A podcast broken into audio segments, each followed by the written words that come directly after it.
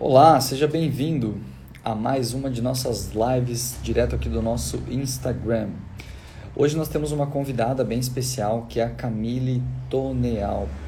E com ela nós falaremos sobre a tríade coração e coração, cérebro e emoções e como isso atua e interfere na nossa saúde. Vamos apenas aguardar um segundinho aqui a Camille entrar para eu convidá-la e aí nós iniciaremos o nosso assunto. Vamos lá. Só aguardar um pouquinho, eu acredito que a Camille já vai já vai iniciar. Deixa eu mandar aqui para ela o convite. E acredito que ela vem. Opa, Camille entrou. Achei que você tinha esquecido da nossa live, Camille. Camille está aí, vamos aceitá-la. Vamos lá.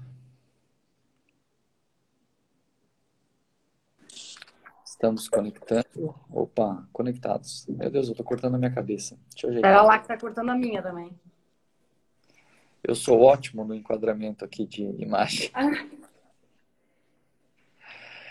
Olha Oi. só. Opa, entrou várias pessoas aqui de repente na nossa live. Então, sejam todos muito bem-vindos. Vamos dar as boas-vindas à nossa live de hoje aqui, a nossa convidada especial, Camille.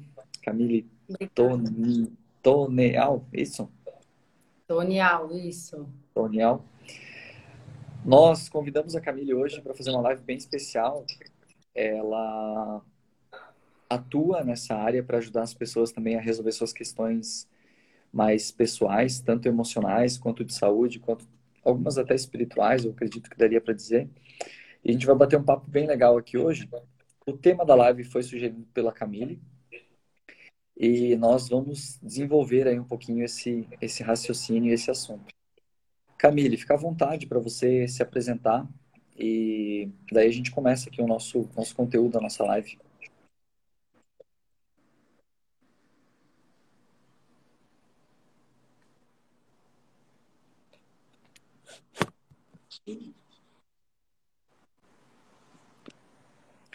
Oi, Camille, tá nos ouvindo aí? Como é que tá? Acho que tá um pouquinho ruim. Tá cortando um pouquinho.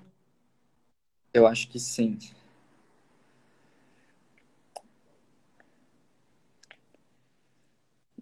Será que é a minha internet ou será que é a sua, Camille? Como é que tá a tua internet aí? Tá com sinal bom. É? Deu uma travadinha agora, né? Sim. Camila, eu vou, eu vou tá remover você da live e vou tentar te colocar de novo, tá? tá? Vamos ver se vai, se vai melhorar. Tá. tá Vamos só chamar Camille de novo aqui, porque pode ser que melhore a nossa conexão. Vamos ver. Enquanto você está entrando aí na nossa live, a gente está só estabelecendo a nossa conexão aqui com a Camille, que é a nossa convidada de hoje. E a nossa live será bem, bem interessante, tá? Então, fique, fique aí com a gente. Muito bem-vindo aí, Anderson. Legal tê-lo por aqui na nossa live. Senti só falta ontem. Vamos lá, cadê a Camille? Estamos aguardando ela aceitar o nosso convite para a nossa live. Bora, Camille! O tema da nossa live hoje é tão, tão interessante.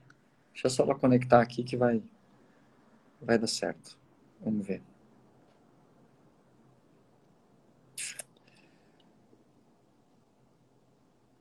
Já mandei o convite para você, tá, Camila? É só você aceitar e a gente começa.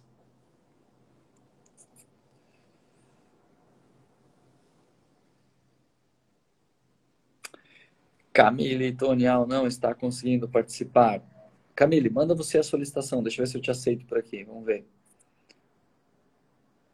Enviar solicitação. Bora, Camille.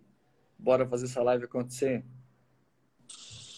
Agora foi. Agora foi e vai, né? Vambora? Vamos pra frente? Não, agora vai. Agora vai. Agora a conexão parece que tá boa. Tá, eu desliguei aqui de novo e reconectei de novo. Legal. Camille, te apresenta então, para a gente não perder o fio da meada e já começar o nosso conteúdo aqui, a nossa live. Então vamos lá. Primeiramente, quero te agradecer pelo convite, por estar aqui conversando um pouquinho nesse bate-papo, falando um pouquinho mais sobre aquilo que a gente atua e acredita. Então, agradeço a todos que estão aqui nos escutando. E meu nome é Camille, eu sou fisioterapeuta e hoje eu estou trabalhando com a linha da microfisioterapia, também associada com a fisioterapia integrativa. E também sou terapeuta Teta Healer. E vim através do convite do Dani para a gente bater um pouquinho mais, um bate-papo uh, a respeito de como nossa, nosso cérebro, nosso coração, nossas emoções podem estar atuando na nossa saúde. Né? A importância desse conjunto, dessa tríade. Por isso que eu é, dei a sugestão para o Dani desse, desse nome, né? que eu acho que vem bem a calhar, são, é um assunto que a gente precisa né, conversar. Sempre, sempre tem, tem, tem assuntos novos, coisas novas para estar tá aqui falando para vocês. E eu queria começar falando uma frase que geralmente eu sempre digo para todos os meus pacientes que me procuram, né? Que o corpo ele diz o que as palavras não conseguem expressar, né? Então, a gente no decorrer da nossa vida, a gente sofre diversos tipos de traumas, né? Sejam eles traumas uh, emocionais, né, hereditários, uh, traumáticos mesmo, né, um acidente, uma queda, uh, através da poluição, da alimentação, né, dos agrotóxicos que a gente ingere hoje nos alimentos. E esses traumas que a gente que a gente sofre, eles acabam de certa forma causando uma desordem no nosso corpo. E isso fragiliza, né? Causa uma fragilidade em todo o nosso organismo. E com isso, a gente acaba tendo uma perda da vitalidade do nosso corpo naquela região. E ali nesse momento fica armazenado aonde a gente chama da nossa memória celular. É como se a gente tivesse um chip na nossa célula e ali se armazena esses traumas. E esses traumas vão se armazenando muitas vezes de forma inconsciente, né?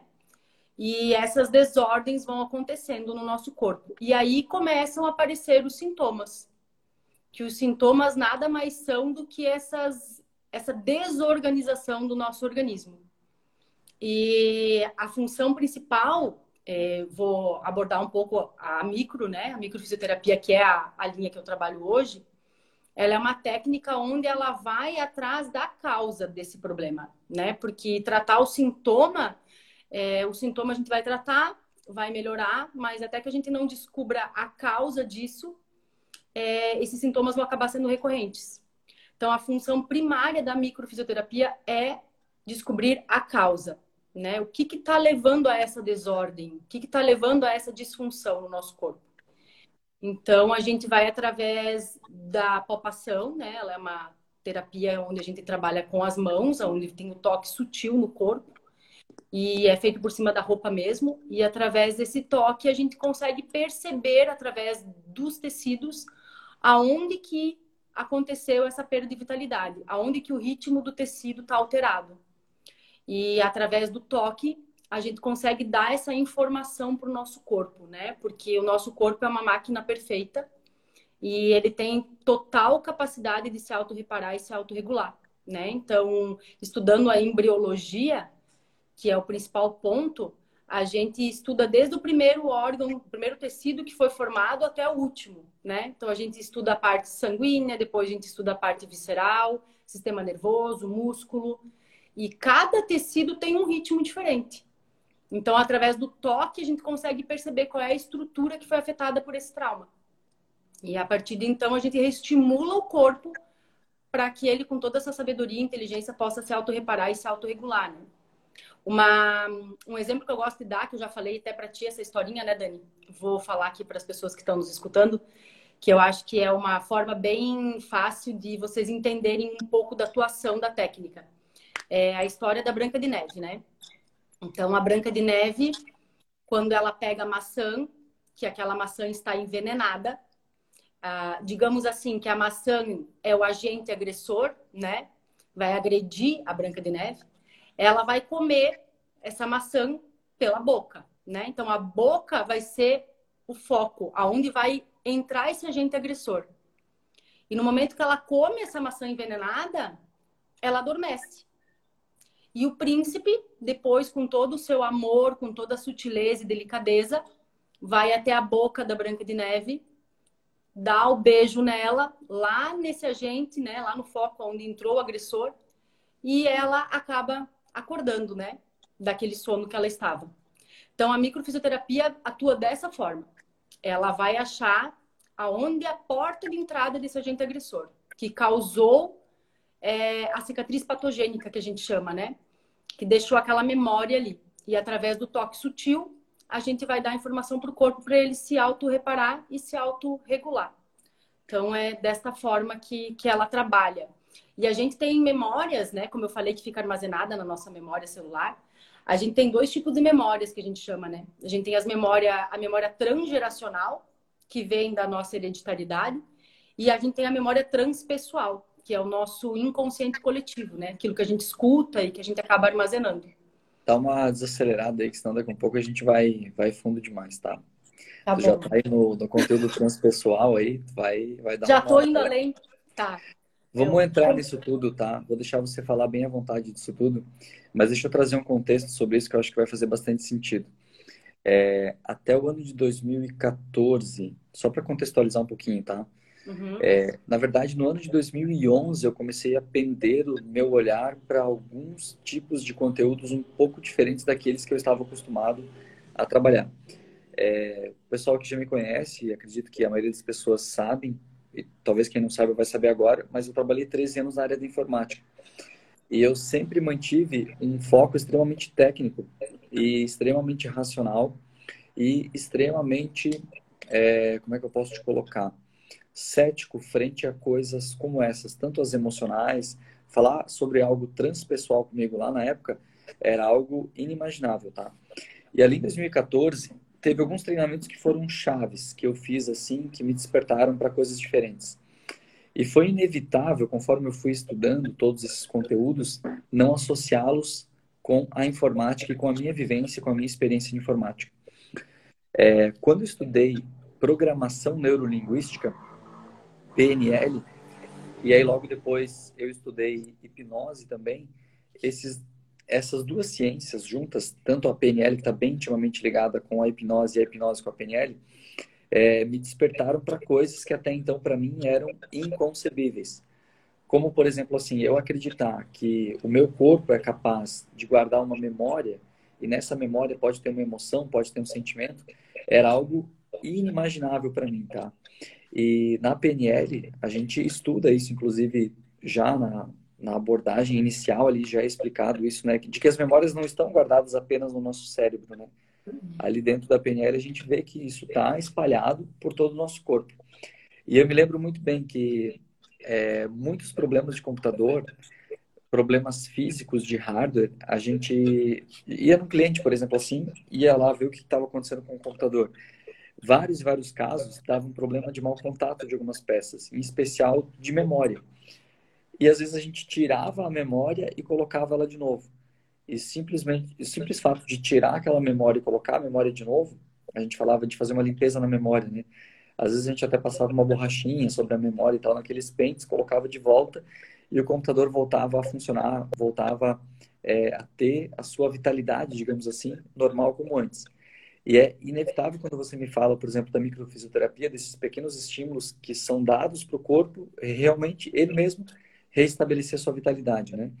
É inevitável eu não lembrar dessa informação, porque a gente tirava a memória, passava uma borrachinha ali, ou seja, a gente melhorava aquele contato da memória com a placa-mãe, colocava ele de volta e ele voltava a funcionar.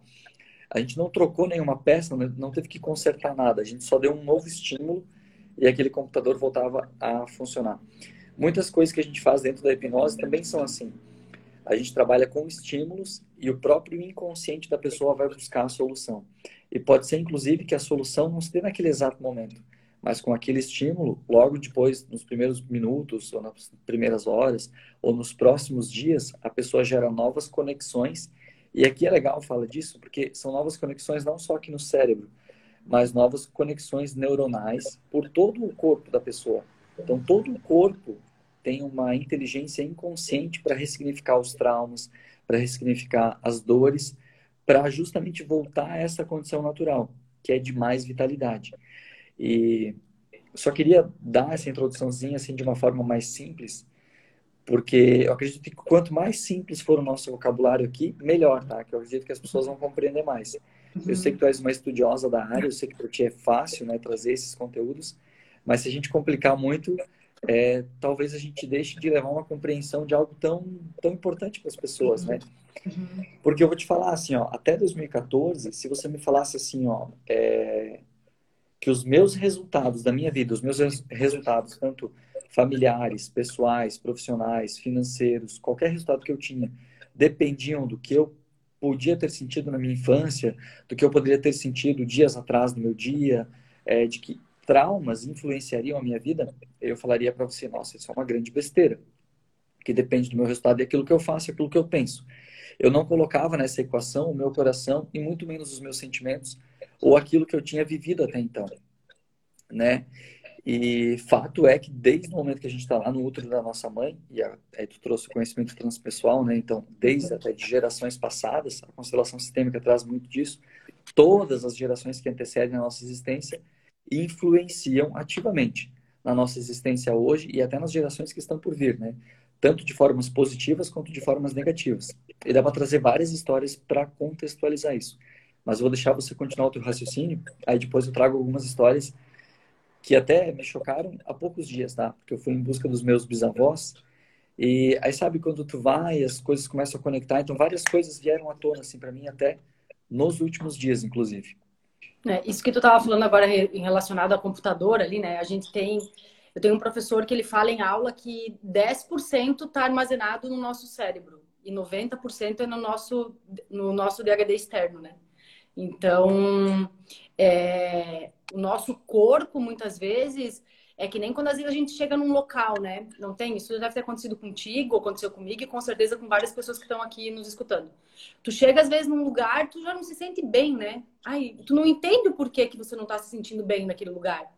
Então, muitas vezes, antes mesmo do teu cérebro tomar consciência, a informação teu corpo já já já teve, entende? Então, às vezes tu sente muito mais no teu corpo aquela sensação de não estar tá bem naquele lugar, mas que de forma consciente você não, não entende o porquê, né? Que você não tá, não tá se sentindo bem naquele ambiente, né? A gente sabe que a gente tem diversas antenas, né? Pelo nosso corpo, que essas antenas vão captando. É a mesma coisa quando a gente chega, às vezes, na casa da avó, né? Ou em qualquer outro lugar, a gente, vou dar o um exemplo. Às vezes a gente chega na casa da avó, a gente sente um cheiro de bolo, né? Um bolo de laranja. E aquele cheiro, para mim, pode remeter coisas boas da minha infância, né? Para ti já podem remeter coisas ruins. Então, isso também faz ativar, né? Muitas memórias que a gente tem guardada. E, e dentro também dessa linha que eu, que eu trabalho, é a questão de também você ver o corpo como um todo, né, Dani? Então, assim, uhum. nosso corpo é, trabalha num conjunto perfeito.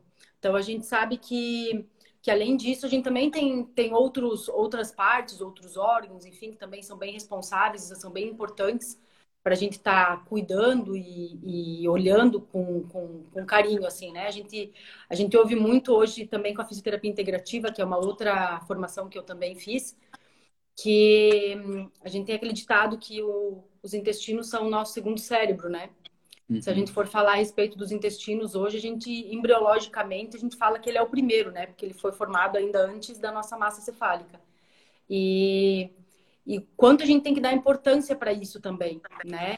É, tem muita, muita coisa que às vezes muitas pessoas não sabem que quase 80%, de 80% a 90% da nossa serotonina, que é o hormônio do bem-estar, né, é produzido pelos intestinos. Então, é, a gente trabalhar nesse equilíbrio do corpo todo, né? E a micro também tem essa atuação, trazer para esse equilíbrio, essa homeostase, né? O equilíbrio do corpo. E trabalhar também de forma, uma conexão entre aquilo que você pensa com aquilo que você sente, né? Que tem uma coerência cardíaca que a gente chama pensar e sentir, né? A mesma coisa. E hoje em dia a gente vê que as pessoas estão meio perdidas quanto a isso, né? Às vezes sente uma coisa, pensa outra, ou pensa uma, né? E sente outra. Então, o quanto é importante esse, esse alinhamento também, né? É, aí a gente já entra um pouquinho dentro do sistema nervoso também, onde a gente também precisa olhar um pouquinho para o nosso sistema nervoso autônomo, que a gente chama, onde tem o movimento do acelerar e do frear, né? que a nossa vida é uma constante onda, sobe e desce, né? Se a gente tivesse numa linha reta, a gente estaria morto. Uhum. Então, a importância da gente saber que a gente tem que acelerar e frear na mesma proporção, né? Nas nossas Sim. vidas. E hoje em dia as pessoas estão muito mais acelerando do que freando. Então, é isso que está causando as doenças, né? O que a gente vê muito hoje, no caso, a gente pega, né? Acredito que você também, com os teus clientes, é depressão, síndrome do pânico, a ansiedade, a hiperatividade, enfim. E muitas pessoas estão com essas doenças e nem sabem, né? E nem sabem. Chegam, às vezes, pedindo ajuda e não sabem nem o que elas precisam, é, o que exatamente elas precisam de ajuda, né? Uhum. É até um desafio para muitas pessoas falarem, nossa, eu estou me sentindo depressiva, depressivo, por exemplo, né? É, é um desafio, eu percebo isso tanto para os homens quanto para as mulheres, tá? É como se a sociedade é, reprimisse né, a possibilidade das pessoas pedirem ajuda, a possibilidade das pessoas dizerem que estão num momento frágil, que precisam ser acolhidas. E eu, na verdade, vejo que isso é uma coisa é, que deveria ser muito mais natural, porque, afinal de contas, todos nós, né, todos nós seres humanos precisamos de precisamos estar bem e muitas vezes esse estar bem ele depende ele interdepende né de outras pessoas não depende só é, só daquilo que eu faço, né? Depende também, às vezes, muitas vezes, de ajuda, uhum. efetivamente, né? De outras pessoas. Uhum. E a gente querer dar conta de fazer tudo sozinho, muitas vezes, é um desafio muito, muito grande, né? É. Foi uma coisa interessante que tu trouxe aí, que eu gosto muito de falar e até faz um bom tempo que eu não falo sobre esse assunto. Eu acho que é legal trazer esse contexto aqui nesse momento, que Dentro da constelação sistêmica, a gente sabe que todo o sistema influencia na pessoa. Né? O que é uma constelação sistêmica? Na verdade, é o sistema familiar da pessoa. Né? Então, a gente uhum. sabe que tudo que aconteceu na vida da minha mãe influencia na minha vida. Tudo que acontece na minha vida influencia na vida da minha mãe. Da minha mãe, da minha irmã, do meu pai, dos meus irmãos, é, dos meus pais, dos meus avós, dos meus bisavós, dos meus tios, dos meus primos. Está tudo extremamente conectado. Tudo que já aconteceu e tudo que está acontecendo. Inclusive padrões familiares, é, por exemplo, assim, padrões financeiros, padrões emocionais. E esse conjunto de informações está dentro disso que a Camille trouxe como inconsciente coletivo, né? O inconsciente coletivo, ele, ele é entendido por várias literaturas, até com nomes diferentes, né? Como é, consciente coletivo, é, mastermind, tem várias, vários nomes aí para a mesma coisa, né? Mas o fato é que existe essa energia, e essa energia, acho que vai até dar uma entrada aqui no nosso conteúdo, ela está presente tanto naquilo que nós estamos vivendo, quanto naquilo que já foi vivido por outras pessoas, quanto também naquilo que será vivido pelas próximas gerações. E é interessante porque isso está em todo o nosso corpo, né? É, está em todo o nosso corpo presente e vibrando, ou seja, tem uma vibração acontecendo, né? Você falou que o nosso corpo é, é cheio de antenas. Nós estamos vibrando no nosso corpo essa nossa energia, essa nossa vibração, daquilo que nós estamos sentindo. Se eu estiver sentindo raiva, por exemplo, o que eu estou emitindo para o universo é uma vibração de raiva, que é uma vibração baixa.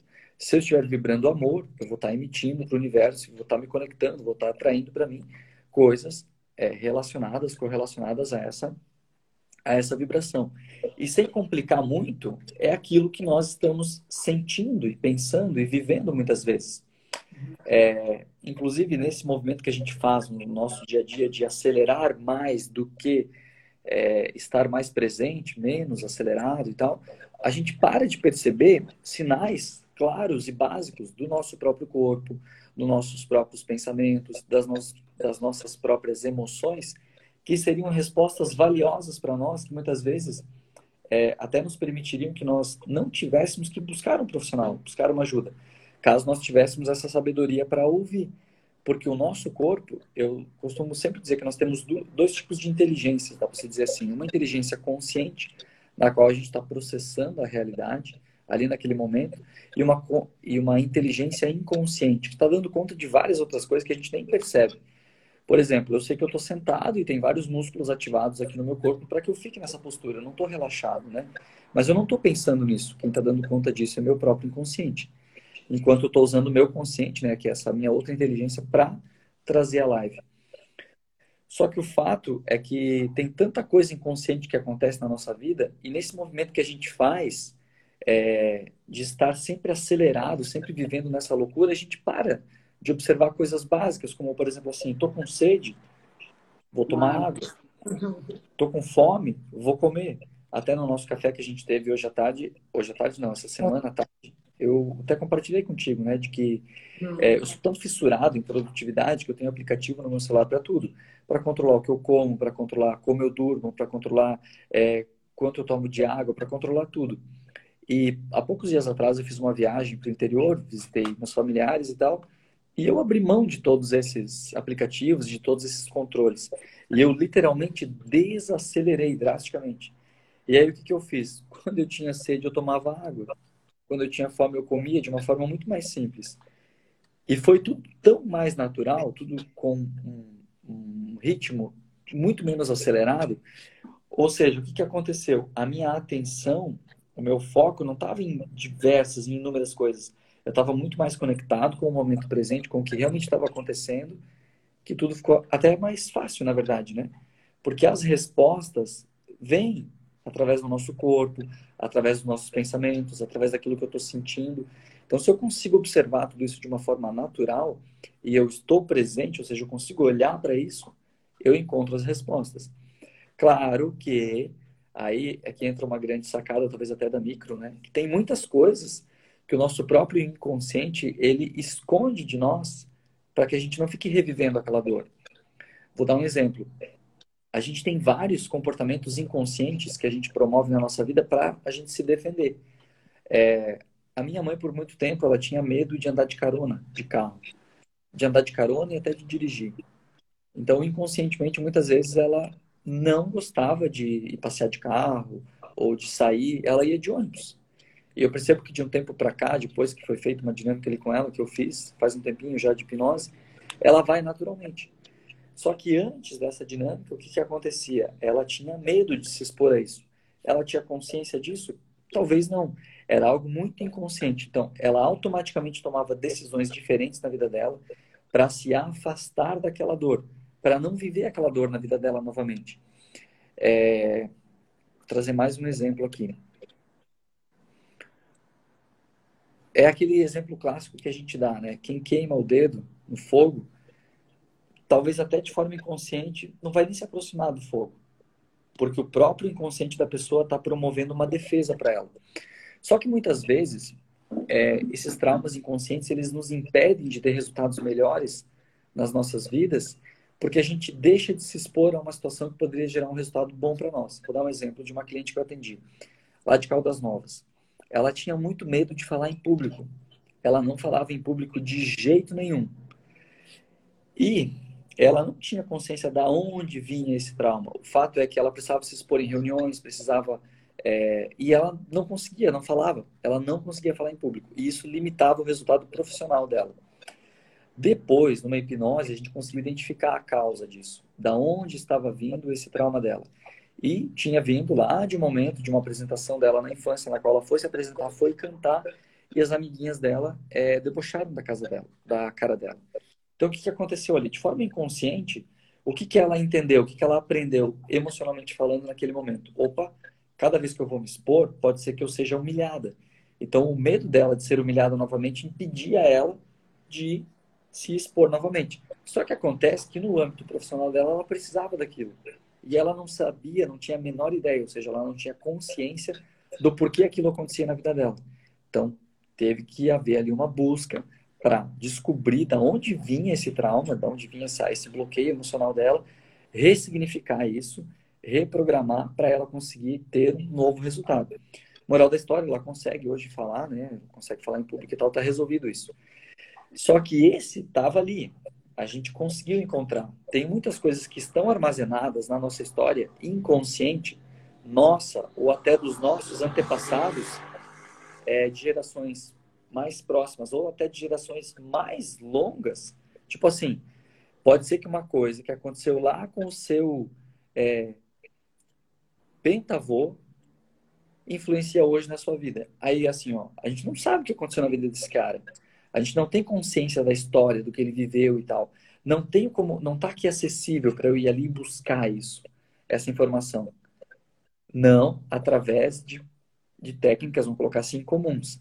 Mas aí, através de hipnoses, através da própria micro, da constelação sistêmica, isso vem à tona.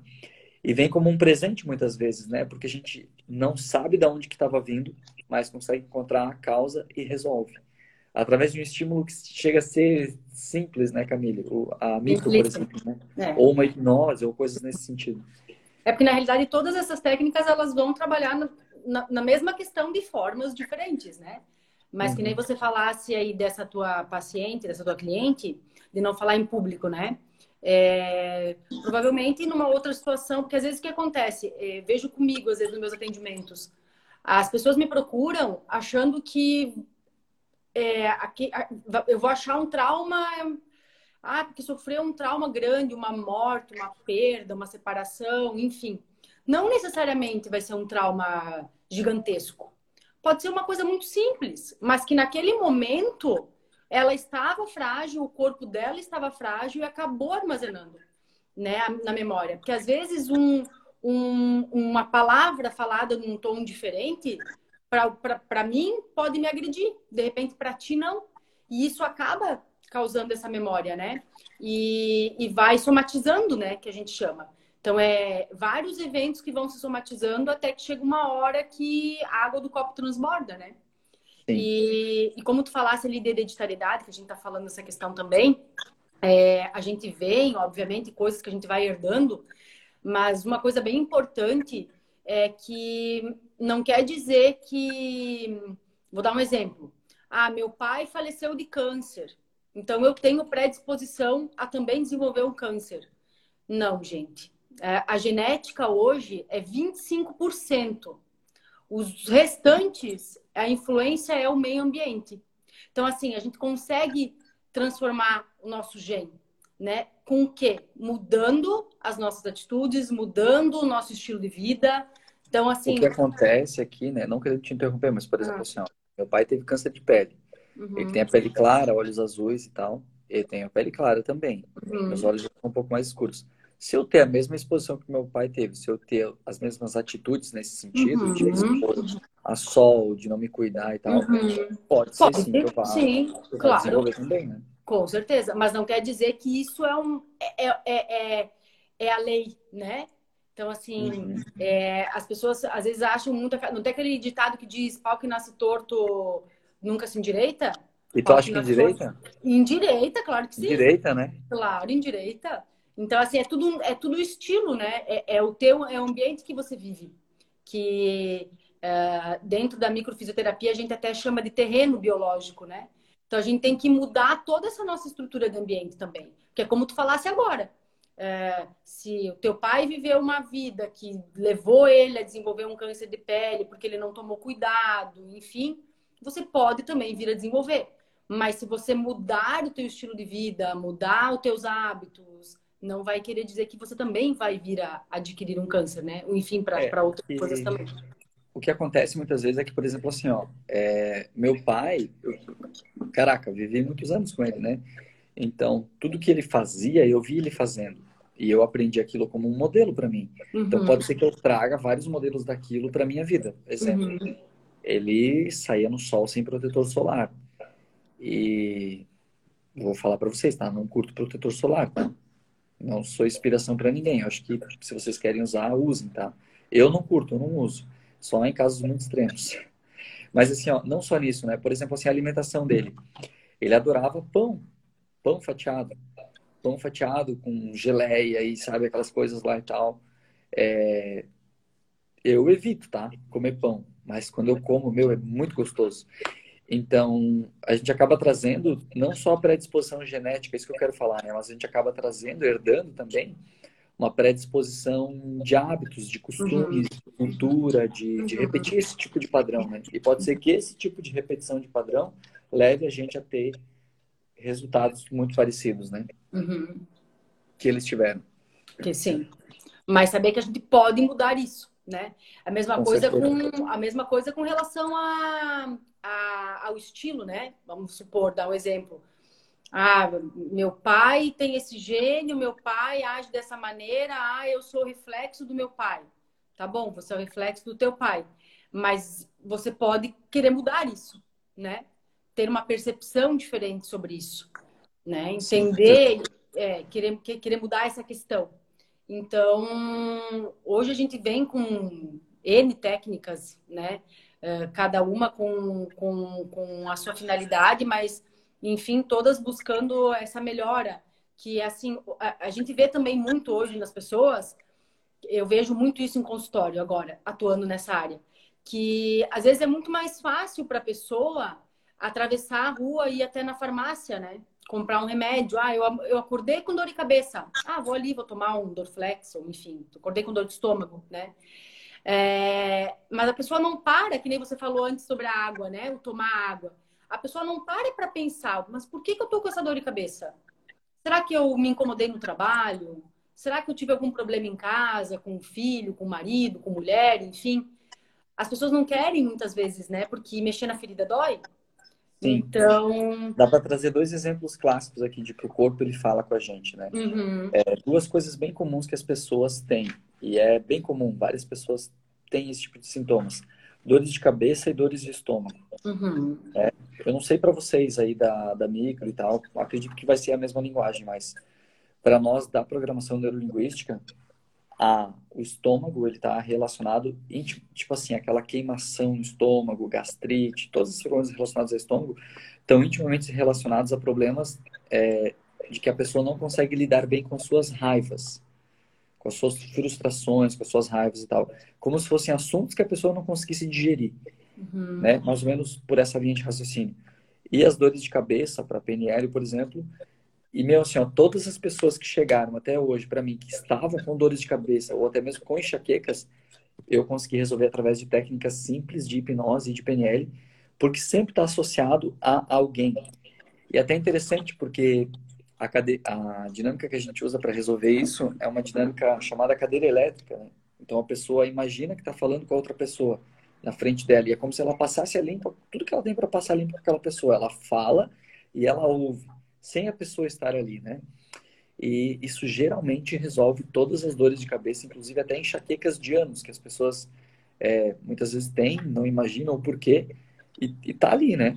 Tá relacionado a alguém. Nesse contexto, o que, que tu acha?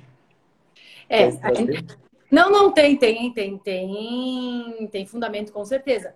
Mas aí pega mais uma parte que também é outro, outra linha que eu estudo também, que é da medicina germânica, da nova medicina germânica, né? É, a micro, ela não, é, ela pega um pouco essa questão, mas também pode ter N outras coisas relacionadas, tá? É, uhum. Tudo depende do que eu vou encontrar na palpação, né? É, qual é, a, qual é o estágio do corpo que eu vou encontrar, enfim. Então, a micro, ela não é tão assim é, dor de cabeça está relacionada mais a isso, dor de estômago. Uhum. A micro ela abrange mais.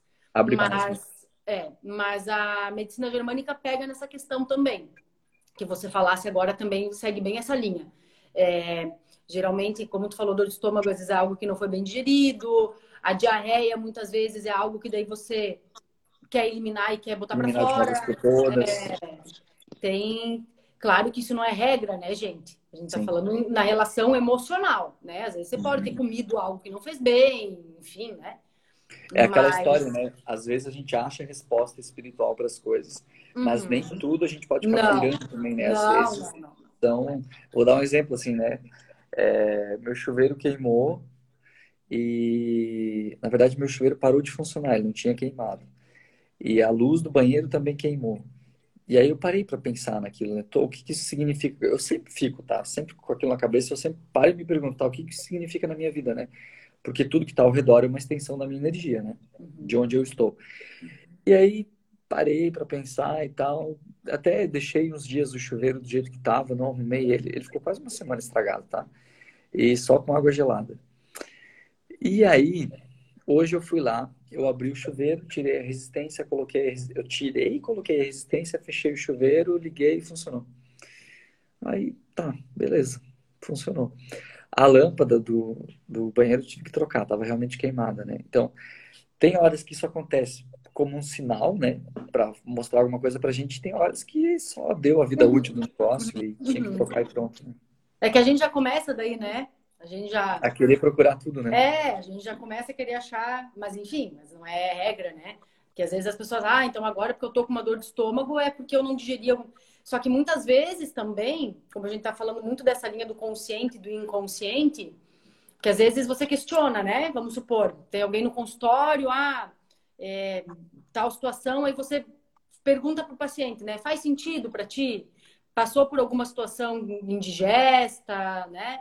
Aí na hora a pessoa, não, mas não, que com a micro me acontece muito isso. Quando eu levo uma informação, às vezes, para o meu paciente, ele me responde, não, não, não faz sentido para mim isso que você está falando. Não faz sentido naquele momento, porque de forma Aí consciente depois... ele não consegue trazer aquela informação de forma consciente. Aí é o que é mais engraçado, isso me acontece muito. Dali dois, três dias da sessão, um mês às vezes, tá? A pessoa me manda uma mensagem, Camille, agora caiu a ficha. O que você falou, o que você achou, faz todo sentido. Eu me lembrei de tal coisa. Então, assim, é, eu sempre digo que a sessão de micro ela começa depois que você sai da minha sala, né? Porque daí começa a cair as fichas, começa a vir as respostas. Porque muitas vezes você vai para fazer uma sessão de micro e você está lá esperando uh, aquilo que você quer ouvir. Só que muitas vezes não é aquilo que você quer ouvir, né? Não é, aqui, não é aquela informação que o teu corpo vai te trazer. Então, às vezes isso começa, acaba vindo depois, no segundo, no terceiro dia, enfim. Mas é, é muito fantástico quando a gente descobre esse mundo e a gente percebe que o nosso corpo é maravilhoso, que ele tem total capacidade para se autorreparar e se autorregular, e que se a gente está com algum sintoma é porque nós estamos com alguma fragilidade no nosso corpo e e algo que tem que ser olhado de uma forma diferente, né?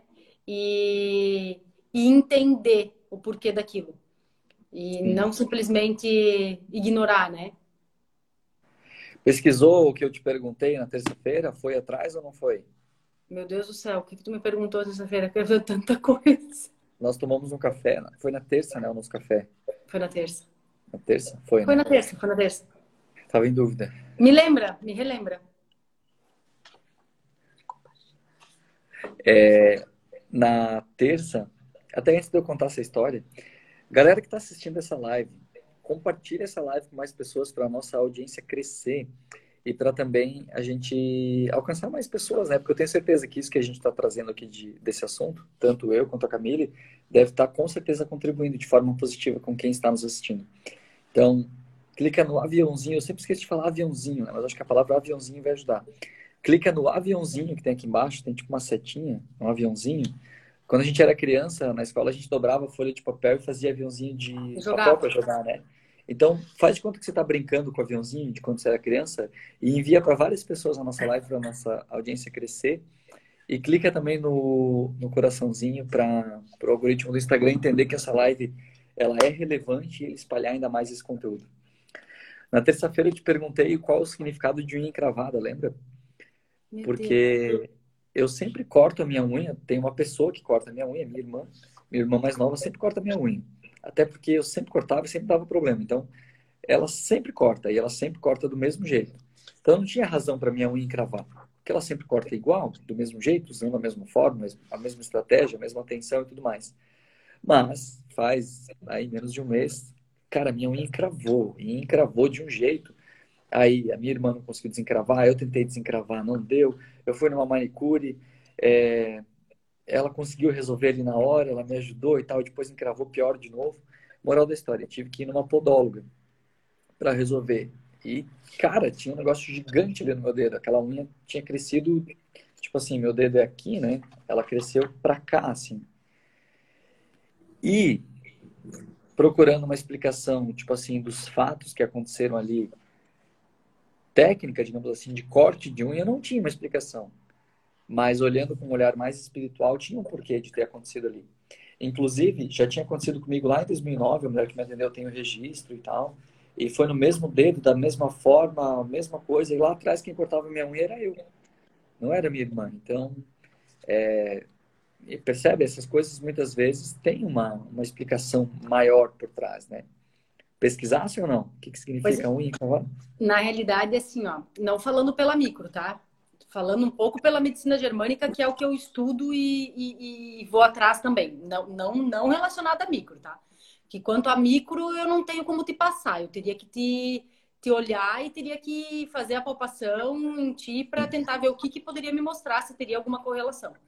Mas olhando para o lado da medicina germânica, é, tem Se for dois... muito bombástico, não revela, tá? Não, não, não. É assim, é que depende porque tem dois contextos, né? Quando a gente fala muito da parte de pele, anexos, né? Tem muita, tem muita conotação com, com contato e separação, que isso eu até falei para ti lá no café, né? Sim, sim, eu lembro. Que ou você tá querendo afastar alguém ou tu tá querendo aproximar alguém de ti. Mas também vendo pelo contexto ou dois, né? É, pode ser também. Ou vendo pelo contexto geral, né? Unha do pé, dedão do pé, dedos, o pé inteiro, é, olhando por essa parte maior, eu tô falando aqui bem generalizado, tá, gente? Pelo amor de Deus. Não tô dizendo que isso é. Pela, tô aqui falando de uma forma mais geral. O pé muitas vezes é a direção, né? Então, assim, te dá o. Te dá. te, te firma para você se manter em pé e se direcionar e se impulsionar para frente, né? Então, o pé também tem um pouco de uma conotação ligada a isso. Será que você está indo para o caminho certo? Será que a direção está certa? Tam, e o dedão é bem isso, né? É quem está à frente de tudo ali, né? É porque Ele tá direção, os, os dedos te sustentam ali, né? Tu precisa dos teus dedos para te sustentarem na tua postura. Então, muitas vezes também pode ter uma ligação com isso também. Não que com seja regra. Tem, tá? É. É, esse negócio de unhas, vou contar então outra. Ó, minhas unhas, dá para ver aqui, né? São relativamente bem bonitas, bem cortadas e tal, né? Olhando assim, talvez vocês jamais acreditariam que eu consegui encravar em 2017, em setembro, as 10 unhas. Sabe o que é encravar as 10 unhas numa única vez? Da mão, Sabe, óbvio. Sabes o que é isso? Da mão? Não, não sei. Faço a mínima ideia. Eu vou te falar, tá? É, e essa conclusão eu cheguei sozinho. Pode ser que esteja certa, pode ser que não, mas o fato é que quando eu virei essa chave, as unhas foram desencravando, tá? Lá em 2017, eu realizei um grande sonho de é, fazer pela primeira vez um leader training meu, meu com outras pessoas junto, juntas, né? Comigo. O Miro, a Camila e a Fran. E quando nós realizamos, foi muito rápido, assim, a gente fez a reunião, montou e tal, e foi e fez. Primeiro evento em uma semana, tava bolado, feito e tal. Então, naquela uma semana, as minhas 10 unhas encravaram. Como se eu não conseguisse tocar naquela realidade. Porque aquilo estava tão aquém de eu poder acreditar que aquilo estava acontecendo, que eu não conseguia tocar em nada. Depois que o evento passou e que eu me liguei do que era, eu comecei a voltar a conseguir tocar nas coisas que aquilo tinha, eu, eu, de fato materializei um sonho né, na minha vida, eu realizei algo muito forte. Então aí eu consegui novamente tocar naquela realidade. E faz todo sentido. Faz, né? Faz. Bem, bem power isso. Uhum. Mas vamos lá. Pode falar o que você falar aí. Não, não, é. Eu digo que é, é ao mesmo tempo que para muitas pessoas às vezes pode ser tudo muito louco, né? Mas o nosso corpo ele sinaliza. Ele sinaliza o tempo inteiro e ele vai dando sinais. É... E a gente tem que estar o tempo inteiro alerta. Alerta, escutando, percebendo, uh, fazendo essas, essas ligações como tu fez nos teus dedos, né? Que isso é bem importante, né? A gente ligar. Ligar o porquê da dor de estômago, ligar o porquê de uma cólica, uma dor de cabeça, né? o quão é importante a gente se perceber isso e olhar para isso. É, até hoje, hoje à tarde, eu também atendi uma paciente de Gaspar, até foi. Já é a segunda vez que ela veio comigo. E foi muito legal hoje, porque, assim, ela sabe o que, que ela tem que mudar, mas ela não quer. Então, assim, ela tá com uma dificuldade. E hoje, depois da sessão, é, ela já teve uma percepção diferente, ela viu que realmente ela precisa tomar esse passo, que não vai ser fácil, mas que para ela ter uma melhora no estado físico dela e também, óbvio, no emocional, ela precisa tomar esse passo. Mas é o que eu falo, todo mundo é no seu tempo e na sua hora, sem força barra, né? Então, assim, hoje na segunda sessão, ela conseguiu realmente entender que é ela tendo essa mudança para que tudo possa fluir de uma forma diferente na vida dela, né? E ela tomava muito remédio, ela ia em 500 profissionais, né? É, é como eu falo, nunca, por hipótese alguma, a gente desmenospreza a medicina tradicional. De jeito algum, ela é extremamente importante e necessária. Mas hoje a gente está vindo com uma medicina integrativa que está muito show de bola. Que a gente consegue melhorar muita coisa antes de ir para uma medicina convencional. Então, as pessoas precisam ter um pouco mais de, de, de clareza, de consciência, né? de entender o, o, quantas técnicas maravilhosas tem hoje aí para a gente poder ir atrás. Para depois, num segundo momento, ou num segundo, né? Ah, não, não deu certo, então tá bom, então eu vou para uma medicação, eu vou, enfim, né? É. Mas. E não é, dá para. Coisa não dá para generalizar, né, Camila? Assim, não, tem muitas coisas não. que a medicina tradicional resolve de uma forma muito simples. Com certeza. Mas a gente não pode negar que existe uma indústria farmacêutica por trás uhum. extremamente poderosa que ganha muita grana e é, inclusive eu tenho vários amigos que trabalham como representantes comerciais de remédios. Eles vendem remédios para os, para os médicos, para as uhum. farmácias, mas uhum. é, e cara é muito power, tá? Porque uhum. tem muitas doenças que poderiam ser curadas de uma maneira muito mais simples, através da alimentação, através de hipnoses, através uhum. da microfisioterapia, doenças sérias uhum. e graves, que uhum. são bombásticas, se a gente falar aqui, né? Uhum. Mas que poderiam ser sim tratadas com um outro olhar muito mais sistêmico, ou seja, de todo esse sistema emocional, cerebral, sentimental, físico da pessoa, de um sistema bem integrado mesmo do que simplesmente chegar e, e dar um remédio que muitas vezes mais mata, é. mais tira a vitalidade da pessoa do que realmente traz ela para um contexto de é. vitalidade, é. disposição, de retomar sua própria, sua própria vida energia. É que nem a questão dos, né? Vou dar agora aqui também, já que tu já deu bastante exemplos também, nessa, seguindo essa, esse nosso raciocínio, é, vou dar o exemplo da minha própria mãe. A minha mãe, em 2019, ela ia fazer uma cirurgia de coluna. O médico já tinha dito para ela que não tinha mais o que se fazer. Ela tinha hérnia lombar, três hérnias lombares. E hum, o médico já tinha decretado para ela que era cirurgia ou simplesmente ela ia travar e não ia mais conseguir mais conseguir andar. E minha mãe já é uma senhora de 72 anos, tem sobrepeso e já estava tudo certo que ela ia para cirurgia. E eu, conversando com ela, falei, mãe, vamos tentar pelo menos uma vez com essas nossas terapias alternativas para ver. Vem, né? A minha mãe mora no Rio Grande do Sul. Eh, eu falei para ela, vem para cá passar uns dias comigo e vamos tentar. Se funcionar, funcionou. Se não funcionar, você volta e vai para cirurgia. E ela veio de coração aberto, disposta. É, ela acabou sendo atendida por outro profissional, né? Porque eu geralmente não atendo família, até nem é aconselhável. Ela foi atendida pode, por um outro pode, profissional. Pode falar o nome dele. É, é, ela foi feita com, ela fez a microfisioterapia com o Pedro. Nosso eu me esqueci o sobrenome do Pedro. Pedro Lazarim. Lazarim, isso mesmo. Que tanto que o Pedro foi que uma das primeiras pessoas que me apresentou a micro, né? É, ela fez a sessão de micro com o Pedro e depois ela fez uma constelação com o Pedro também.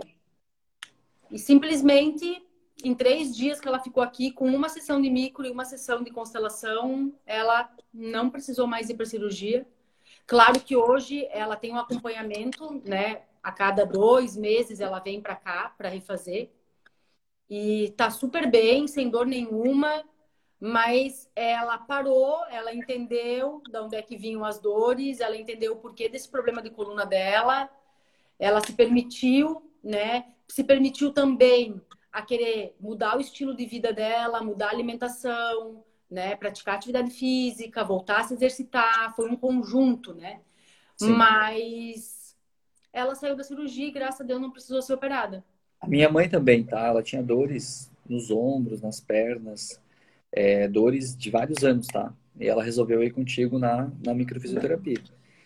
Então, não dá para negar, assim, né? Essas coisas eu vou falar para vocês, tá? Eu sou suspeito de falar, porque eu já fiz várias sessões. Já fiz com o Pedro, já fiz com a Camille, fiz com a Daniela. Só com a Camille eu já fiz. Quantas que eu já fiz contigo? Umas três, quatro, eu acho. Umas três, três quatro, né? Uhum. É, três, quatro. Fiz com certeza, tá? Uhum. Vou falar para vocês assim, ó. É, já testaram de tudo, tipo assim, tem fibromialgia, tem, vocês têm doenças é, que vocês não estão achando a solução. É, Cara, não custa fazer uma sessão de microfisioterapia, não é caro, é algo totalmente acessível para qualquer pessoa, eu diria. E pode ser que vocês encontrem soluções para coisas que vocês nem imaginam. E outra coisa que eu falo, tarde, só, só te interrompendo, Vai. é, é um investimento, né? É um investimento, com certeza. Eu descobri coisas dentro da micro que foram fundamentais assim para mim. Não só dentro da micro, né? Dentro de todo o processo que a gente vai vivendo, né? Hipnose, PNL, micro, constelação, é, é tanta coisa, né? É, enfim. Eu também, né? Que também você também sabe muito da minha história, também já fiz hipnose contigo. Já fiz, já fiz N microfisioterapia, porque eu faço até hoje, óbvio. É, é, porque as pessoas às vezes me perguntam assim, tá, mas e daí quando é que eu vou fazer micro? Só quando eu tiver algum, algum sintoma? Não, gente. A micro, ela é como prevenção também. Ela vai manter todo o equilíbrio do teu corpo. Eu hoje faço a cada 90 dias. É o que eu falo para meus pacientes. Até tu também, né, Dani? Que tu me pediu na terça-feira quando é que tinha sido a última vez que tu tinha feito. E ah, foi em julho, né? Parece que foi ontem. E já passou Parece tanto tempo, né? Mas Agosto, as pessoas. Setembro, outubro, novembro. Já, já faço tá... quatro meses. É, tem que fazer agora até o final do ano. Tem que... É, então, assim, é o que eu falo, gente, é, uma, é um modo preventivo. Você não precisa só ir buscar essas técnicas quando você tem algo incomodando, algum sintoma, enfim. É, prevenção, né?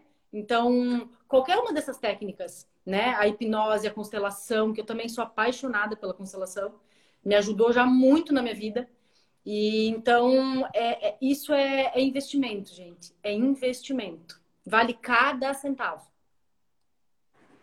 Hoje à tarde, um cliente meu, é, inclusive eu vou fazer o atendimento dele eu vou fazer o atendimento dele gravado ou ao vivo para disponibilizar como conteúdo para as pessoas verem na prática como é um atendimento uhum. e como ele funciona para resolver coisas que às vezes a gente nem imagina.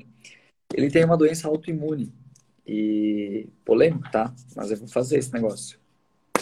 Ele tem uma doença autoimune e ele tem uma uma coceira na pele e tal. Ele topou, já tava, eu falei para ele, tu topa ser atendido ao vivo para a gente gravar e mostrar como é que funciona? ao vivo ou gravado e daí a gente disponibiliza esse material. E ele falou que topa. E lá no ano de 2014, quando eu fiz a programa, a, oh meu Deus, quando eu fiz a formação de PNL, é, tinha uma menina que foi participar já numa das próximas turmas que tinha um problema de uma coceira na pele.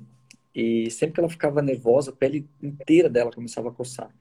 E aí ela ia na medicina tradicional, ela tinha uma alergia. Aí para alergia que ela ganhava uma pomada, mais um remédio para dor, lá não sei o quê, e não resolvia o problema dela. E a gente lá na, na PNL, a gente até tinha um grupo de estudos que a gente vinha casos assim, a gente fazia laboratório mesmo, fazia laboratório para ver se descobriu o que, que tinha. E quando essa pessoa veio, ninguém se sentiu à vontade para fazer a, a, dinâmica com ela. Eu disse, não, eu faço. Pode deixar que eu, eu quero fazer.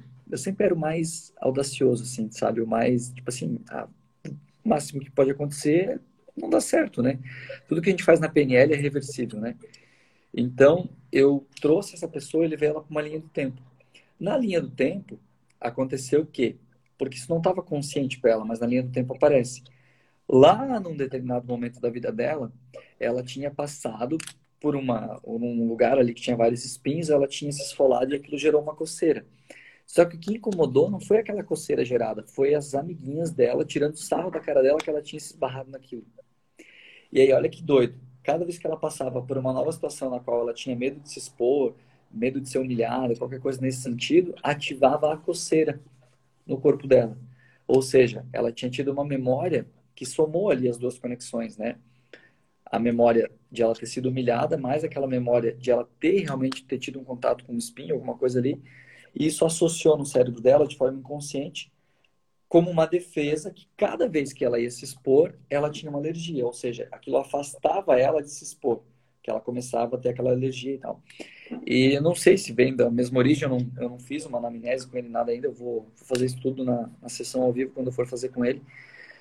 Mas pode ser que tenha vindo de alguma coisa muito parecida como essa, a dele também. Ele uhum. tem uma doença que não se sabe nem o nome, nada, mas cada vez que ele fica nervoso, ansioso, começam a aparecer coceiras na pele dele. E com, olha assim, ó, com 99,9% de chances eu poderia arriscar dizer aqui, inclusive, que vem sim de algo emocional que ele viveu em algum momento da vida dele, que pode ser que ele não tenha consciência, pode ser que ele não lembre. E digo mais, né, Camille? Se não vier dele, pode vir de algum antepassado dele e a uhum. gente resolve também. É, e na verdade, às vezes essa coceira quando vem é porque vem alguma memória, né? Ativa, ativa uma memória e a coceira surge, né? está com uma hora e cinco de live, tá? Eu sugeri que a gente não passe de uma hora e trinta. Até uma hora e trinta eu fui e não cortou o conteúdo. Então, até uma hora e trinta a gente pode ficar à vontade conversando. Tá Quem está assistindo aqui a nossa live, deixa nos comentários se está fazendo sentido o que nós estamos trazendo aqui para vocês. Se vocês têm alguma dúvida que vocês queiram perguntar, tanto para a Camille quanto para mim, pode colocar nos comentários ou na caixinha de pergunta. Eu compartilho a pergunta e nós respondemos. E vou pedir também, mais uma vez, que clica nesse aviãozinho aí, lembra daquele aviãozinho que vocês brincavam quando eram criança? Clica nesse aviãozinho e compartilha essa live com mais pessoas para a gente crescer a nossa audiência. E clica também no coraçãozinho aí para a gente divulgar ainda mais essa nossa live. Quem tiver dúvidas, por favor, coloca aqui nos comentários. E quem está tá nos escutando aqui, está nos vendo, se está fazendo sentido, coloca aqui nos comentários também que está fazendo sentido. Vai, Camille. Passei para ti a, o bastão Passou... da palavra. Passou para mim a bola? Passei, vai lá. Então, é, um dado bem interessante que eu quero compartilhar, e é, para quem não sabe, a cada cinco minutos que você pensa num problema, a tua imunidade cai por seis horas. Ui, jura? É. Então, para você ver o poder do pensamento e o quanto você ficar por seis minutos, que é nada, né? Pensando em algo ruim, você faz permanecer por seis horas a tua imunidade baixa. Então você fica mais predisposto a, a, a uma doença, ou enfim, a, a, algo que possa vir acontecer no teu corpo, um resfriado, uma dor de cabeça, né? Então, o quanto hoje é a importância do nosso pensamento, né? A gente fala muito dentro da micro na coerência cardíaca, que era o que eu falei antes e vou repetir agora. É você ter uma coerência com aquilo que você pensa, com aquilo que você sente, né? E a gente percebe cada vez mais, eu percebo muito isso em consultório, que às vezes sente uma coisa, mas pensa outra e vice-versa, né? Então, a gente precisa ser muito coerente com isso. É, e os nossos pensamentos influenciam, né, em, em tudo na nossa vida. É, é, aquela coisa quando a gente acorda de manhã, se a gente já acordar achando que o dia vai ser ruim, o dia vai ser ruim, né? Então a gente precisa mudar esses padrões, né? E acho que eu já tinha tanta coisa para falar, eu até notei. Fiz aqui um, um. Tô aqui só de rabisco de olho olhando para ver se eu me esqueci de alguma coisa. Mas a até gente já falou tu, tanta coisa interessante. Até que, até que você confere o teu raciocínio, eu vou, vou responder a Jo que colocou uma pergunta aqui, ó. Ah, Aí você pode responder ela também, né? Tá. Mas a Jo colocou assim, ó. É muito sono quando estamos tristes. Por quê? Naturalmente, quando a gente está triste, é, ou a gente faz alguma coisa para mudar esse nosso estado, tanto fisiológico, emocional, quanto é, esse nosso estado realmente, né, para ir para um outro estado, ou o nosso próprio corpo vai querer nos apagar daquilo ali vai querer tirar a gente daquela cena. E pode ser que a estratégia que o teu corpo inconsciente está usando para você, para te dizer assim, para de viver essa tristeza, é dormir. Tem um cara que eu acompanho na área de, de inteligência emocional, que ele fala que a pessoa que tem muito sono, que está sempre cansada, é porque a vida dela não está valendo a pena ser vivida. Ou seja, essa pessoa quer fugir da própria vida e aí ela fica dormindo, dormindo, dormindo. Porque na cama ela tem mais prazer do que dormindo, do que estar acordada, vivendo a sua própria vida. Mas o que eu posso te dizer é o seguinte, Jô, se tem alguma coisa que está te incomodando aí na tua vida, ou se tem alguma coisa que está te entristecendo, não se pergunte os porquês, né? O porquê que isso está acontecendo comigo, mas se pergunte como você faz para viver uma realidade diferente dessa que você está vivendo. Ou seja, Se tem algo que está te entristecendo, perceba se você tem controle, se você tem domínio, se você pode fazer alguma coisa para viver uma situação diferente. E é provável que a sua vontade, a sua disposição é, volte, você tenha vontade de ficar acordado. Eu falo por mim, assim, ó, se eu estiver vivendo algo que eu gosto muito, eu chego a perder o sono, tá? Eu perco o sono e eu não sinto cansaço, eu vivo de uma forma muito intensa. E se eu não estiver bem, se eu estiver triste, se eu tiver alguma coisa assim, eu realmente também vou ficar mais é, calado, acolhido, vou querer ficar mais na minha, vou, sabe? É, a tristeza é uma das principais. A tristeza sentida repetidamente vários dias seguidos é um dos principais ingredientes para se criar um estado depressivo numa pessoa. E para configurar é, características de que essa pessoa precisa de uma atenção. E muitas vezes uma atenção não somente dela mesma consigo mesma, mas inclusive de um outro profissional que venha e procure olhar de fora o que está acontecendo com aquela pessoa para poder ajudá-la. Um profissional é, um profissional que, que, que possa olhar para essa situação como um contexto geral e analise tudo o que está acontecendo aí. E isso é interessante porque isso pode vir da alimentação, pode vir do próprio sono, pode vir de uma situação emocional que está sendo vivida na sua própria vida, pode ser de algo que aconteceu, pode ser de uma frustração de algo que a pessoa não consegue mudar na vida dela. São várias as respostas né, que podem ser dadas. Mas é importante dizer que uma análise mais específica deveria ser feita para ajudar essa pessoa. No caso, a Jo ali que fez a pergunta. Porque muitas vezes nós mesmos não conseguimos chegar às respostas né, do que está acontecendo comigo. E a ajuda de um profissional pode fazer toda a diferença nesse momento. E você né? sabe até ajudando a ter a, me intrometendo um pouco aí respondendo aí a, sua, a pergunta dela, é, às vezes também um corpo físico inflamado leva a debilitar um emocional. O que, que eu quero dizer? Que às vezes você tá com um corpo inflamado uh, através de uma má alimentação, através de uma vida sedentária, e que isso muitas vezes, através de um intestino não saudável, e isso muitas vezes te leva a ter esses eh, te leva a essa situação emocional, né? Então, a gente é, é que nem antes quando estava falando do acelerar e do frear, né? A gente tem um sistema nervoso que controla o nosso acelerador e é o nosso freio. Então, a gente precisa ter uma, um equilíbrio nesse, nesse frear e nesse acelerar. Porque no momento em que você tá com o teu organismo equilibrado, a autocura vai acontecer. Então, às vezes, é, é Jô, né? Uhum. Às vezes, é, às vezes você pode estar tá com o teu corpo inflamado e essa inflamação no teu corpo, uma inflamação no intestino, que possa também estar tá te ocasionando a isso. Então, é como o Dani falou, procura, não brinca, a gente não pode brincar com isso, eu acho que é, é, são, é um assunto importante. E temos vários profissionais bons aí com, com habilidades e entendimento para poder estar tá ajudando nessa questão. Porque podem ser várias, várias questões, né?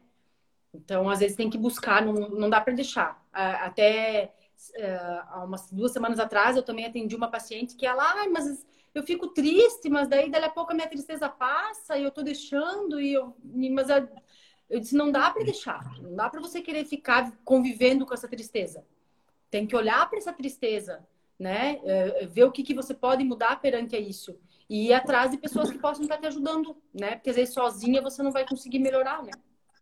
Eu sempre falo que as emoções negativas elas servem tanto como um norte para dizer assim para nós, olha, se você está vivendo um momento de dor, você precisa olhar para isso para você sair dessa emoção negativa e acessar uma emoção positiva. Uhum. Elas também servem como combustível para a gente acessar estados melhores nas nossas vidas, mas as emoções negativas como estados permanentes ou muito frequentes ou muito frequentes nas nossas vidas são sinais de que algo está errado, que há um desequilíbrio efetivamente. Então, por exemplo, assim, uma pessoa que sente muita raiva, uma pessoa que sente muita tristeza, uma pessoa que sente muito medo, uma pessoa que sente se sente muito sente muito egoísmo, egoísmo é uma uhum. emoção também, né? Sente muita ansiedade. Uma pessoa que sente muito essas emoções frequentemente, isso é um sinal de que alguma coisa está errada. Pode ser um desequilíbrio físico, emocional, mental e muitas vezes é, até espiritual. Isso precisa de uma atenção, porque um pequeno detalhe pode fazer toda uma diferença. Não é normal, por exemplo, uma pessoa sentir medo todos os dias. Não é normal uma pessoa sentir tristeza dias seguidos. É normal, sim, a gente passar por momentos na nossa vida que a gente sinta essas emoções. Elas fazem parte do nosso contexto natural. Por exemplo, assim, é... meu pai faleceu. Então, vou ficar triste, vou ter um período de luto. Eu fiquei vários dias tristes. Sempre que eu me lembro, eu sinto saudade. Quer dizer, isso é sim, isso é algo natural na nossa vida para a gente viver e tal, mas em, em compartimentos hermeticamente fechados, não como um estado permanente na nossa vida. Assim como a alegria não é algo permanente na nossa vida, né? A gente não acorda feliz todos os dias, a gente não acorda alegre todos os dias. Tem dias que a gente acorda com é, o um virado para a lua, né? Ou o oposto, né? E a gente tem disso também, né? Com certeza. Mas é, é procurar ajuda para isso, para que isso não se torne algo uh, no teu dia a dia, sempre, né? Que isso vá se repetindo o tempo inteiro. Então, tem que, tem que ter muito cuidado com isso também. Porque é essa função toda que a gente está passando agora também, né? Essa pandemia, enfim, é, várias turbulências, sentimentos, está todo mundo à flor da pele. Quer falar? Não, eu quero pedir para você falar um negócio, tá? Fala. Mas pode, termina o teu raciocínio e depois eu falo, só para não, não te bagunçar. Não, não, era só essa questão mesmo, que hoje em dia as é emoções estão mais à flor da pele, né? Sim. Para todo mundo. Tem uma coisa muito interessante que eu quero que a gente entre um pouquinho agora, talvez até como um contexto para finalizar a nossa live, que a gente tem só mais 14 hum. minutinhos. Uhum. É, que história é essa que tu apalpa o corpo das pessoas? Explica melhor esse lance aí de que tu tem que tocar o corpo da pessoa para resolver. Só para ficar claro né, o que é a, a, técnica da micro, nesse sentido assim de apalpar. E como, porque, por exemplo, assim, quando uma pessoa me pergunta que a constelação sistêmica pode resolver um problema que está lá com o meu é, avô, que já está morto e resolve uma coisa hoje na minha vida, já é difícil de explicar para uma pessoa às vezes, né? Já é um desafio. Como que você explica essa questão de, por exemplo, assim, ah, mas você toca no corpo da pessoa e até quatro, até quatro, né? A micro é quatro gerações até quatro gerações, a constelação não tem limite, né? Vai infinitamente até onde precisa ir. A micro até Mas quatro. a micro vai até, vai até quatro, né? Que história é essa? Tipo assim, toca no corpo e libera essa energia, esse trauma. Explica essa, esse lance aí para nós. Então, a micro, ela é uma técnica manual papatória. Ela é toda... De roupa, Camille? De roupa, de roupa. Não Ufa. é tirar da roupa. Pode ficar tranquilo, é de roupa não tem, não tem necessidade nenhuma. Claro que se você tiver com muito casaco, né? Aí, obviamente, né? Vai tirar, mas vai ficar de blusa, uma... calça. Eu às vezes peço fotos das minhas clientes para fazer análise de traços de caráter, análise de, de, perfil de corpo e tal, né? Aí tem algumas que perguntam assim, mas é de roupa? Aí eu já tô colocando na, na quando eu vou pedir é de roupa. Assim, entre aspas, e negrito é de roupa. É de roupa, é. Mas as pessoas me questionam muito. Às vezes até as pessoas chegam no consultório e começam a tirar. Falo, não, gente, pode ficar vestido, que não precisa tirar roupa. Jura? É, fica de roupa que não precisa tirar. Então a gente faz um mapeamento no corpo todo, tá? Então, dentro da microfisioterapia, a gente possui 32 estágios corporais. Que esses estágios, eles estão todos interligados no nosso, nosso sistema visceral, nossos órgãos, nosso é, relacionado ao sistema nervoso, músculo, né? Então a gente vai fazer através de palpações específicas, né? Manobras específicas pelo corpo todo. É muito sutil. O Dani já fez, né? Pode também depois falar. É, é uma carícia, é bem. É tão sutil que a primeira vez que eu fiz, eu saí de lá assim, esse negócio não vai não dar vai em nada. Não vai funcionar nada. É. Comigo aconteceu. Tanto que eu fui me especializar na micro porque eu fui fazer uma sessão e aquilo foi para mim algo que eu nem sei explicar. Quer dizer, agora eu sei, né? Mas na época eu não sabia explicar. Que eu falei, gente, eu preciso estudar isso, eu preciso entender o que, como é que isso funciona. Porque eu já ouvi gente falar que é espiritismo, que é coisa do além. Não é, gente. Tem um lado energético? Tem, óbvio, tem a intenção, né? A energia. Mas ela é toda embasada na embriologia. A microfisioterapia, ela foi desenvolvida por dois franceses que são osteopatas, que seguem, né? A, a micro segue muito a, a linha da osteopatia também, para quem conhece ou para quem já, já fez. E a gente estuda a embriologia. Então, a gente estuda de forma hierárquica todos os tecidos, desde a parte do nosso sangue, de toda a informação que a gente recebe via intrauterina da mãe, vindo sangue pelo cordão umbilical, né? Nossas vísceras são formadas, nosso sistema nervoso, pele, anexos e, por último, os nossos músculos. Então, a gente vem com todo esse estudo embasado. Então, por isso que há estudos já aprovados também que o que os nossos pais estão pensando dois meses antes de nos conceberem, a gente já está recebendo informação. Então, através da palpação, eu consigo perceber o ritmo vital desse tecido. Porque cada tecido tem um movimento. Então, quando eu apalpo com as minhas duas mãos, eu tenho a sensação e o movimento daquele tecido. E a partir dali eu sinto a restrição.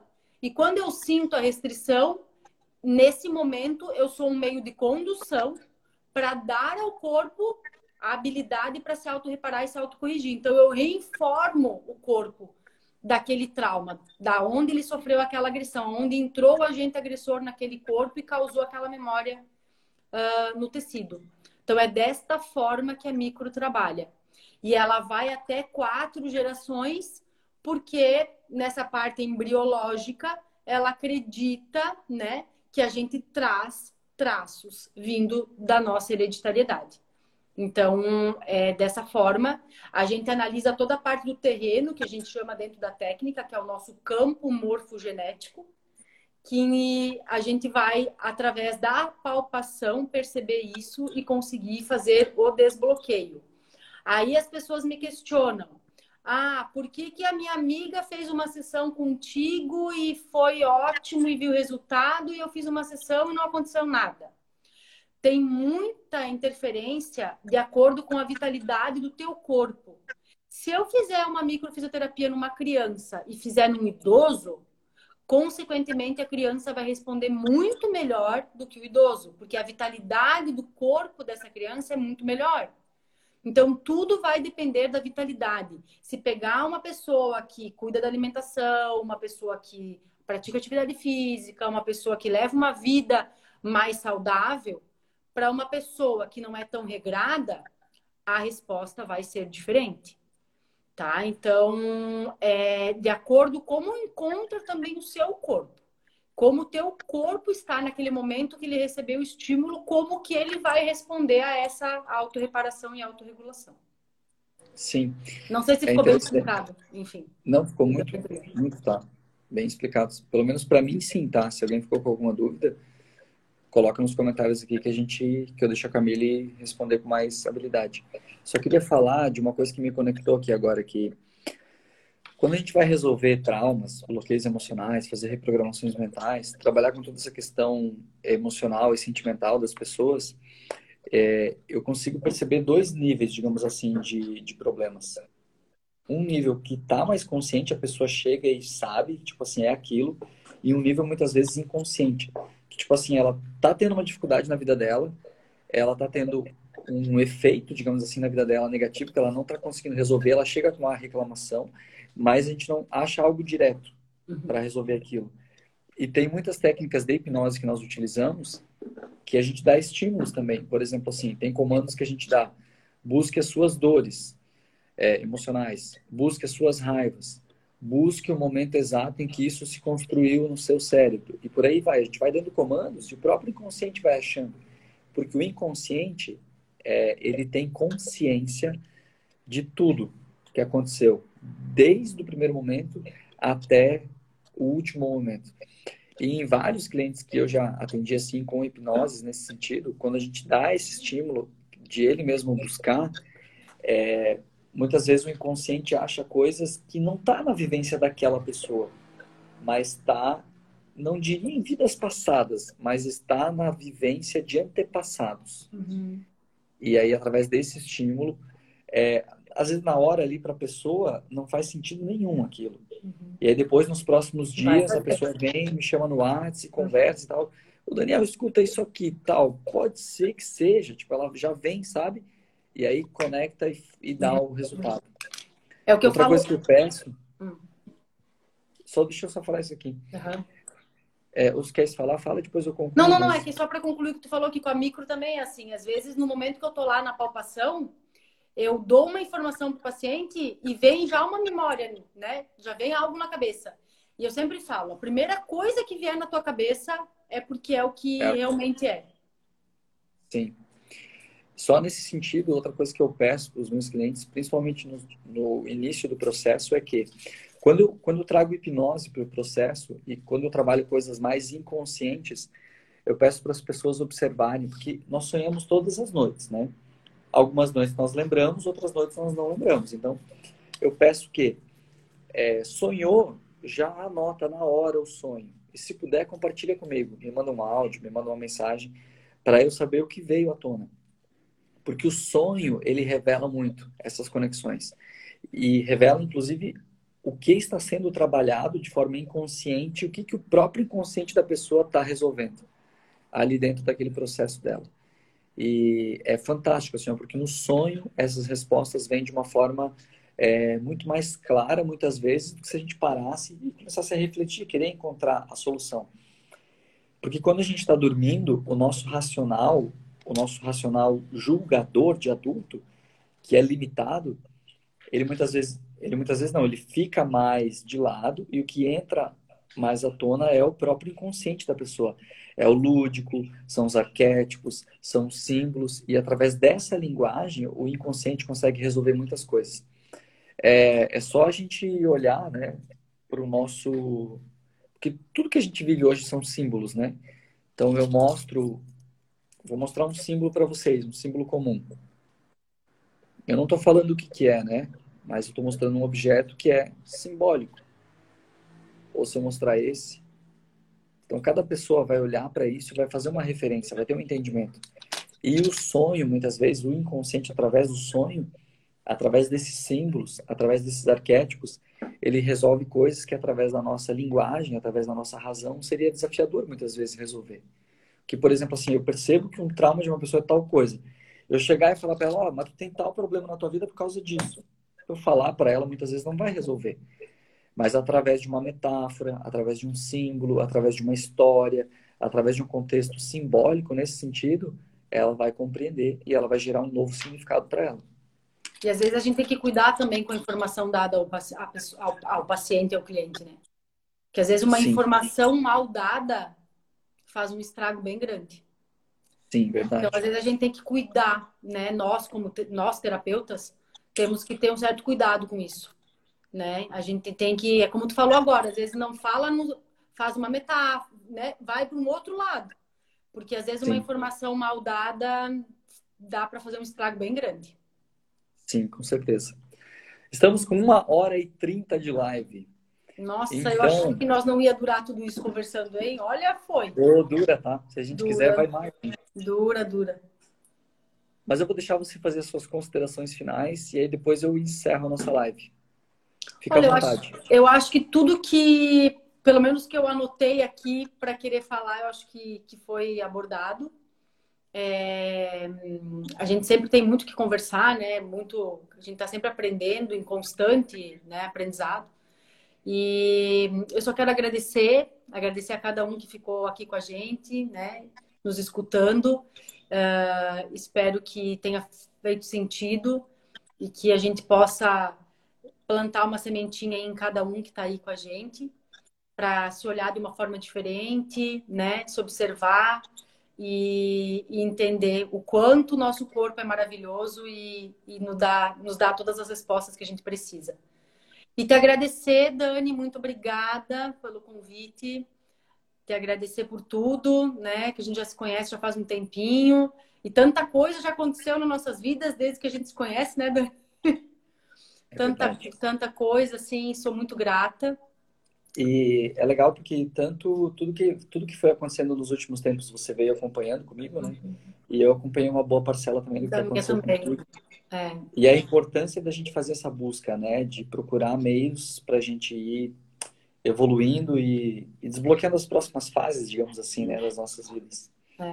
Porque às vezes as pessoas acham, né? Eu tenho muito paciente que me questiona: ah, tu não tem problema nenhum, tua vida tá tudo certo. Não. Quem dera, né? Quem dera.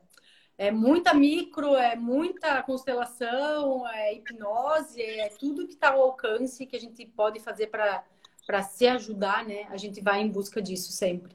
E é tão maravilhoso a gente ver que a gente faz esse movimento e, e as coisas vão acontecendo, né? Da forma mais bonita possível.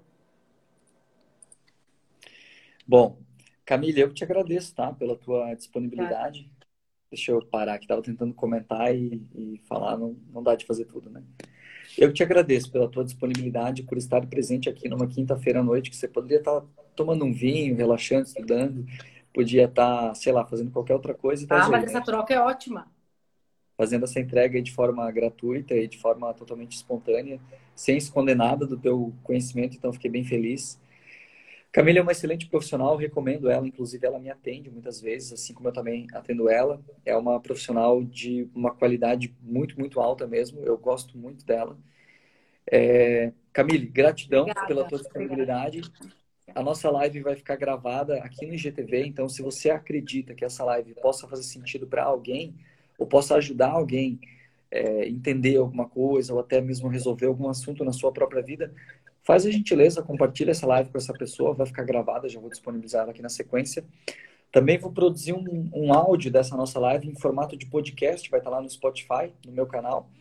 E quem quiser acessar, é só vir no link ali na bio, clicar, cai direto no Spotify, pode ouvir a nossa live depois também, assim que ela estiver postada. É, pode ouvir a nossa live, olha que chique, no Spotify. Então, só é porque é importante lembrar dessas uhum. coisas, né? Faz a live, só posta ali, esquece. Então, se você não pegou a live do começo, se você quer compartilhar com alguém, se tem pouco tempo, então tem várias formas, né? Dá para assistir no IGTV, vou postar no YouTube, vai estar no canal do Spotify, vou compartilhar com a Camille. Enfim, tá tudo, tá tudo aí disponível para vocês. Camille, mais uma vez, gratidão pela tua Eu que agradeço. Obrigada, tá? Gratidão Muito mesmo. Obrigada. Tá? obrigada. Uma boa noite para todo mundo. Uma boa noite para todo mundo. Quem tiver qualquer dúvida, nos chama que a gente mantém conversa aí com vocês. Isso. Beijo. Beijão para todo mundo. Camila, tá? até mais. Até, tchau, tchau. Obrigadão, tchau, tchau. Obrigada.